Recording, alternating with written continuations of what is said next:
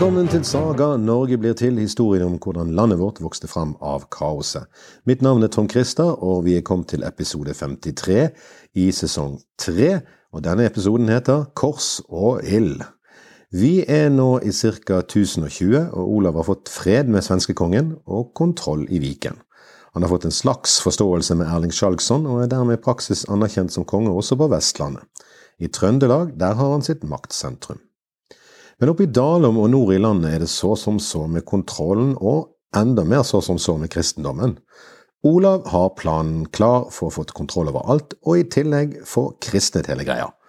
Hva som er det ene og hva som er det andre, går litt over i hverandre, men det er i denne perioden Olav skal legge grunnlaget for det kristne Norge. Det helkristnede Norge. Men det er også i denne prosessen at Olav skaffer seg fiender. Veldig mange fiender. Sterke fiender. Husker du Øystein Skallespillet? Du vet han som diktet så bra om Håkon den gode, at han måtte dikte seg ut av dødsstraff fra Harald Gråfell med et nytt dikt om Harald Gråfell. Han har en sønn som heter Hårek, og etter hvert blir kjent som Hårek fra Kjøtta. Fra Kjøtta er han egentlig ikke, men han blir det fordi han etter hvert kjøper opp alle gårdene på øyen Kjøtta i Nord-Norge. Denne Hårek, ganske sikkert inspirasjonen for tegneserien Hårek den hardballende, han sitter egentlig på makten i Hålogaland og kontrollerer finnehandelen. Dette er store og viktige inntekter for den norske kongen, så det er ikke rart at Olav tar turen nordover. På veien nordover kommer han på at det kunne være greit å bli tatt til konge mellom Trondheimsfjorden og Hålogaland også. Eh, og det er ikke uten videre så kjempepopulært, men det går helt greit. Med 360 mann, 360 mann på skutene er det ikke så mye rom for diskusjon i de mer spredtbygde og småtingete områdene nordover. Det blir kristnet over en lav sko hele veien oppover. Hårek fra Kjøtta tar til slutt imot, og med det blir han også kristnet. Hårek blir utnevnt til lendmann. Hvorfor er det viktig? Jo, det knesetter nemlig hvor mye av inntektene fra det jarledømmet Hårek i praksis administrerer, som Hårek skal ha, og hvor mye kongen skal ha. Området er av enorm utstrekning og et område under direkte kontroll, og et stort udefinert område fra Hålogaland til Kvitsjøen, som delvis håndteres med fredelig handel, og delvis med sverd og ild. Litt lenger sør i Hålogaland fortsetter Olav kristningen og møter en Tore Hund, som han gjør til lendmann. Denne Tore Hund har vi ikke hørt det siste fra, men nå skal han være i fred en stund i Hålogaland. Når Olav setter kursen sørover igjen til Trondheim, føler han med rette at nå har han kontroll nordover. Han har lukket både bakdøren nordover og sidedøren til Sverige.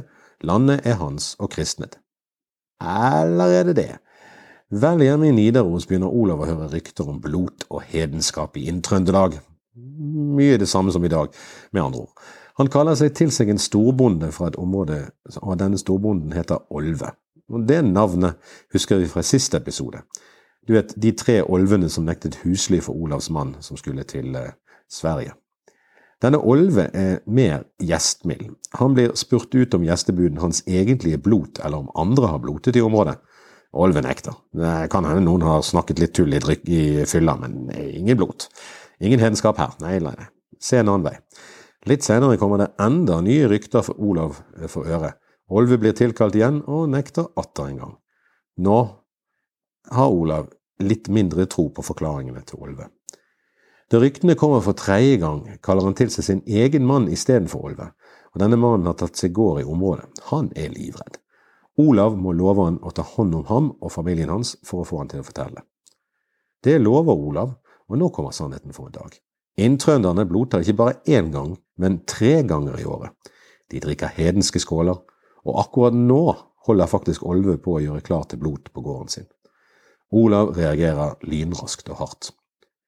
Om det er fordi han her hater edenskap, eller fordi Olve har løyet, det vet vi ikke, men Olve har nok klart å trykke på de to knappene som tenner Olav mest, hedenskap og illojalitet.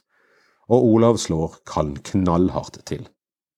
Han angriper, Olve blir drept, og alt løsgods og all maten blir konfiskert, ja, og selve gården, selvfølgelig. Det høres så greit ut i sagaene, men det er det overhodet ikke. De som nå blir tatt for hedenskap, rykker kraftig til. Olve sjøl blir erklært ugild. I dag betyr det at du ikke kan være med og stemme over en sak i kommunestyret eller noe sånt, men den gang betydde det at man kunne drepes uten at det måtte betales bot til de etterlatte, og arven blir fratatt de etterlatte. Hvorfor man tok bryet seg, tar bryet seg med det? Jo, fordi, som du kanskje husker, Håkon den gode lover. Kongen kan også dømmes dersom han dreper uten lovgrunnlag. Ok, det er kanskje ikke så sterke lover når man kan erklære noen ugild etter at de er drept, men sånn kan det gå. Jaha, herre konge, dette ser ikke så bra ut, du har drept han, og det er jo ikke lov. Eh, er, det, er, det, du som har gjort det? Eh, ja, det er jeg. Og hva har du å si til ditt forsvar? Nei, nei, han var ugild. Ugild? Ja, men da så, da er det greit. Akkurat i Olves tilfelle for hans to sønner får det en slags merkelig løsning ved at en av Olavs menn gifter seg med den ettersigende vakre enken. Om du kan kalle det en løsning, vel, det sikrer i alle fall hennes og barnas velferd. Hva skjer med de andre involverte? Jo da, død, lemlesting, landsforvisning, konfiskering av gods og gull. Slik lager Olav seg en flokk av misfornøyde arvinger, sønner, døtre og landsforviste, og nyfattige. Og hadde det bare vært ett fylke han gjorde det i, men nei da, det er tynt med kristenfolket innover i landet, så Olav fortsetter. Det vil si, først får han besøk fra Orknøyene. Det er en historie for seg, men vi tar den korte versjonen her, for en gangs skyld. To jarler strides om makten der, Olav dømmer mellom de, og, begge, og de får begge sin del, mot at de underkaster seg han. Dermed er Orknøyene i alle fall i navnet under den norske kongen. Orknøyene er viktige både fordi de er flate og godt beite- og jordbruksland, men også fordi de er et godt utgangspunkt for videre ferd mot Skottland. Men det var denne kristningen. Olav velger å kristne Norge bakveien. Han seiler inn Romsdal og går opp til Lesjaskog. Vel oppe der er han slett ikke fornøyd med religiøsiteten, så han tar alle menn i området til fange, unntatt de som klarer å flykte, da altså. Med trussel om død og fordervelse omvender de seg og får prester. Hurra! Men Olav stoler ikke helt på de likevel, selv om de har prester, så de må gi fra seg sønnene sine til, Olav som gisler. Olav fortsetter ned til Lom, men faller litt i staver over den vakre bygden og vil helst ikke brenne den. Og hvorfor skulle nå det egentlig være nødvendig? Og han slipper. Mot gisler og trusler blir det kristent her også sånn helt plutselig ut av det blå. Men nå nærmer Olav seg en kar vi har hørt om før. Dalegubban er nevnt i Håkon Jarls saga, så han begynner å dra på årene. Dette er en mektig mann med mange venner og mange frender. Det er over 50 år siden nå at han var alliert med Håkon Jarl mot Harald Gråfell, så han begynner som sagt å dra litt på årene. Her oppe i Gudbrandsdalen har de et kjempesvært gudebilde av Thor som de tilber. Når gamle Gudbrand hører at Olav er på vei ned dalen, samler han til tings på gården sin Hundtorp. Det kommer mange folk. Gudbrand taler til folkene og holder, holder på det at om de bærer ut guden sin Thor, og han får se Olav og hans menn, så vil Olav og hans menn smelte vekk. Han er grunnsterk i åsatroen Gudbrand.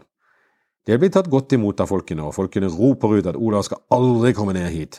De velger ut en liten styrke på 800 mann, eh, for de setter ikke sin lit bare til Tor og gudebildet. 800 mann er veldig mange mann i denne tiden. Det er Gudbrands sønn som leder styrken, men det er et eller annet merkelig her. og Vi får komme tilbake inn til det, men hør her. Med 800 mann er dette en større styrke enn Olav har. Når styrkene møtes, rir Olav ut og ber de ta kristendommen, sånn helt uten videre. De svarer du får vel annet å gjøre i dag enn å spotte oss og så hamrer gudbrandsdølene på skjoldene sine og egger til strid. Kongens menn svarer spontant med å kaste sine spyd, altså jeg håper at Olav har kommet seg tilbake igjen bak eh, linjene først, men de kaster altså spyd, og gudbrandsdølene, vel, de snur og løper for livet. Jo da, det var greit å være tøff i kjeften og tøff å hamre på skjold, men det var òg alt de hadde. De forsvant i fullt firsprang ned dalen. Igjen sto gudbrandssønnen, hei, hvor, hvor, skal, hvor, hvor blir dere av? Hva skjedde nå? Han ble tatt til fange av Olav. Etter fire dager slipper han fri, og Olav ber han dra ned til sin far og fortelle at de er på vei. Han gjør det. Men det kan virke som om betingelsen for at han får gå, er at han skal forsøke å overtale sin far til å ikke kjempe mot Olav. Som han sier, vi har bare 200 mann igjen, resten flyktet ved første smak av kamp, så nå rår jeg deg, far, til å ikke kjempe mot denne mannen. Gudbrand bemerker tørt, ja, jeg kan se at du har fått all kampviljen banket ut av deg. Det vil henge ved deg i lang tid. Nå tror du plutselig på de villfarelser som denne mannen har. Gudrun var tilsynelatende fortsatt kampvillig. Men om natten blir både han og en uh, god venn av han hjemsøkt av en drøm. Og denne drømmen, der møter han en stor og lysende skikkelse. Og han snakker til dem. Din sønn fikk ingen seiersferd mot kong Olav, og du vil få enda mindre seiersferd om du tenker å holde slag mot kongen. Du vil falle, og hele din hær vil falle med deg, og ulver og ravner vil slite i dekker. Ops, det høres ikke så bra ut. Så med denne tidens eh, tanker om drømmer og deres eh, betydning, har pipen fått en annen lyd om morgenen. Gudbrand bestemmer seg for å holde ting med Olav. Han sender sin sønn med tolv disipler, eh, nei, unnskyld, tolv menn, men det er ting som antyder at Gudbrand kan sin bibel litt bedre enn gjennomsnittet. Sønnen og disiplene drar for å be Olav til ting, så Olav takker ja. Hva skulle han ellers gjøre når det kommer en sønn og tolv disipler? Fem dager senere settes tinget, og Olav ber de ta kristendommen, slik den øvre delen av dalen har gjort. Han får svar på tiltale. Vi vet ikke hvem du snakker om. Den du kaller Gud, ingen har sett han, og ingen kan se han. Men vi har en Gud som man kan se hver dag.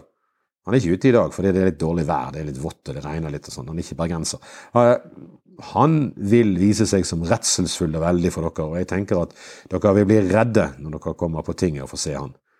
Men siden du sier at uh, guden deres kan så mye, så, så la han nå gjøre det sånn at været i morgen blir skyet, men ikke regn, mm, og la oss møtes her. Med det skiltes de. Olav tok med Gudbrands sønn som gissel, og Gudbrand fikk et gissel fra Olavs følge, som god skikk var. Olav benytter kvelden godt, og han spør ut Gudbrands sønn om denne guden. Jo, han står inne på hovet, og det er mye sølv og gull på han, og han kan bæres ut, og han får fire brød og kjøttmat hver dag som han spiser opp. Stopp en halv, hva sa du for noe? Han, ja, det er masse gull. Nei, nei, det med maten. Han får fire brød og kjøttmat hver dag som han spiser opp. Kongen våket om natten med sine bønner, eller tanker om denne guden. Hvordan kan det ha seg at han spiser brød og kjøtt hver dag? Altså, vi er i nattverden, vi har jo den der 'dette er ditt legeme', dette er ditt Men, men det, det, er ikke, det, er ikke, helt det samme. Han spiser ikke akkurat det, vår Gud. Neste morgen er været slik Gudbrand har bedt Olav fikse med Gud, men det er ikke nok. Olavs biskop går frem og forteller om Gud og Jesus og jomfru Maria, kanskje i en naiv tro på at det vil overbevise. Det gjør det ikke. Tord Istermage svarer biskopen, dette er en kompis av Gudbrand. Han snakker mye den hornmannen som har stav i hånd, og til og med en stav som er krum til som et værhorn. Men siden du og han sier at guden deres kan gjøre så mye rart, så, så snakk med han, da. Eh, og sørg for at han i morgen før soloppgang lar det være klarvær og solskinn. Solskinn før soloppgang? Ja, ja, ok. Og la oss møtes her og forlikes eller holde slag. Og dermed skiltes de nok en gang. Men en plan er formet i Olavs hode. Han har fått tak i som, en i flokken sin som heter Kolbein Sterke. Han bærer både sverd og klubbe i kamp og er en stor, eh, stor og kraftig mann. Du skal stå ved siden av meg og nær meg i morgen, sier Olav. Ja vel, herre konge, sier Kolbein. Så sender Olav sine menn ut for å gjøre hærverk, bokstavelig talt. De gjør hull i båtene til Gullbands allierte og jager vekk hestene deres. Neste morgen kommer de til tings før soloppgang. Det er bare noen få bønder på plass når Olav ankommer. Men ned bakken kommer resten, bærende på et enormt gudebilde av Thor. Det glimter og skinner i gull og sølv på gudebildet. Bøndene bøyer seg alle til bakken i ærefrykt for gudebildet. Olav snur seg og hvisker til Kolbein, sterke med klubben. Dersom det går sånn at jeg får bøndene til å se en annen vei i løpet av tinget, så slå til det gudebildet så hardt du kan. Gudbrand starter du. Hvor er denne guden din, konge? Da tenker jeg nok at nå bærer han hakeskjegget litt lavt, og det synes jeg ikke som om du er så overmodig i dag som forrige dag, og heller ikke han hornmannen som dere kaller biskop, som sitter hos deg. For nå er vår Gud kommet som råder for alt, og han ser på dere med vasse øyne, og jeg ser at nå er dere fulle av redsel og tør neppe se opp med øynene. Kast nå bort overtroen og tro på vår Gud. Jaha, skal Olav vendes tilbake til åsatroen her? Nei, det skjer ikke. Olav reiser seg og sier et eller annet omtrent sånn som dette. Ja, om dere ser østover fjellene, så vil dere se vår Gud vise seg nå i stor lysprakt. Alle bøndene snur seg uten å tenke seg mot øst og soloppgangen. Eh, og der kommer solen. De blir vel litt blendet av synet, og i samme øyeblikk smeller Kolbein sterke til gudebildet av all kraft.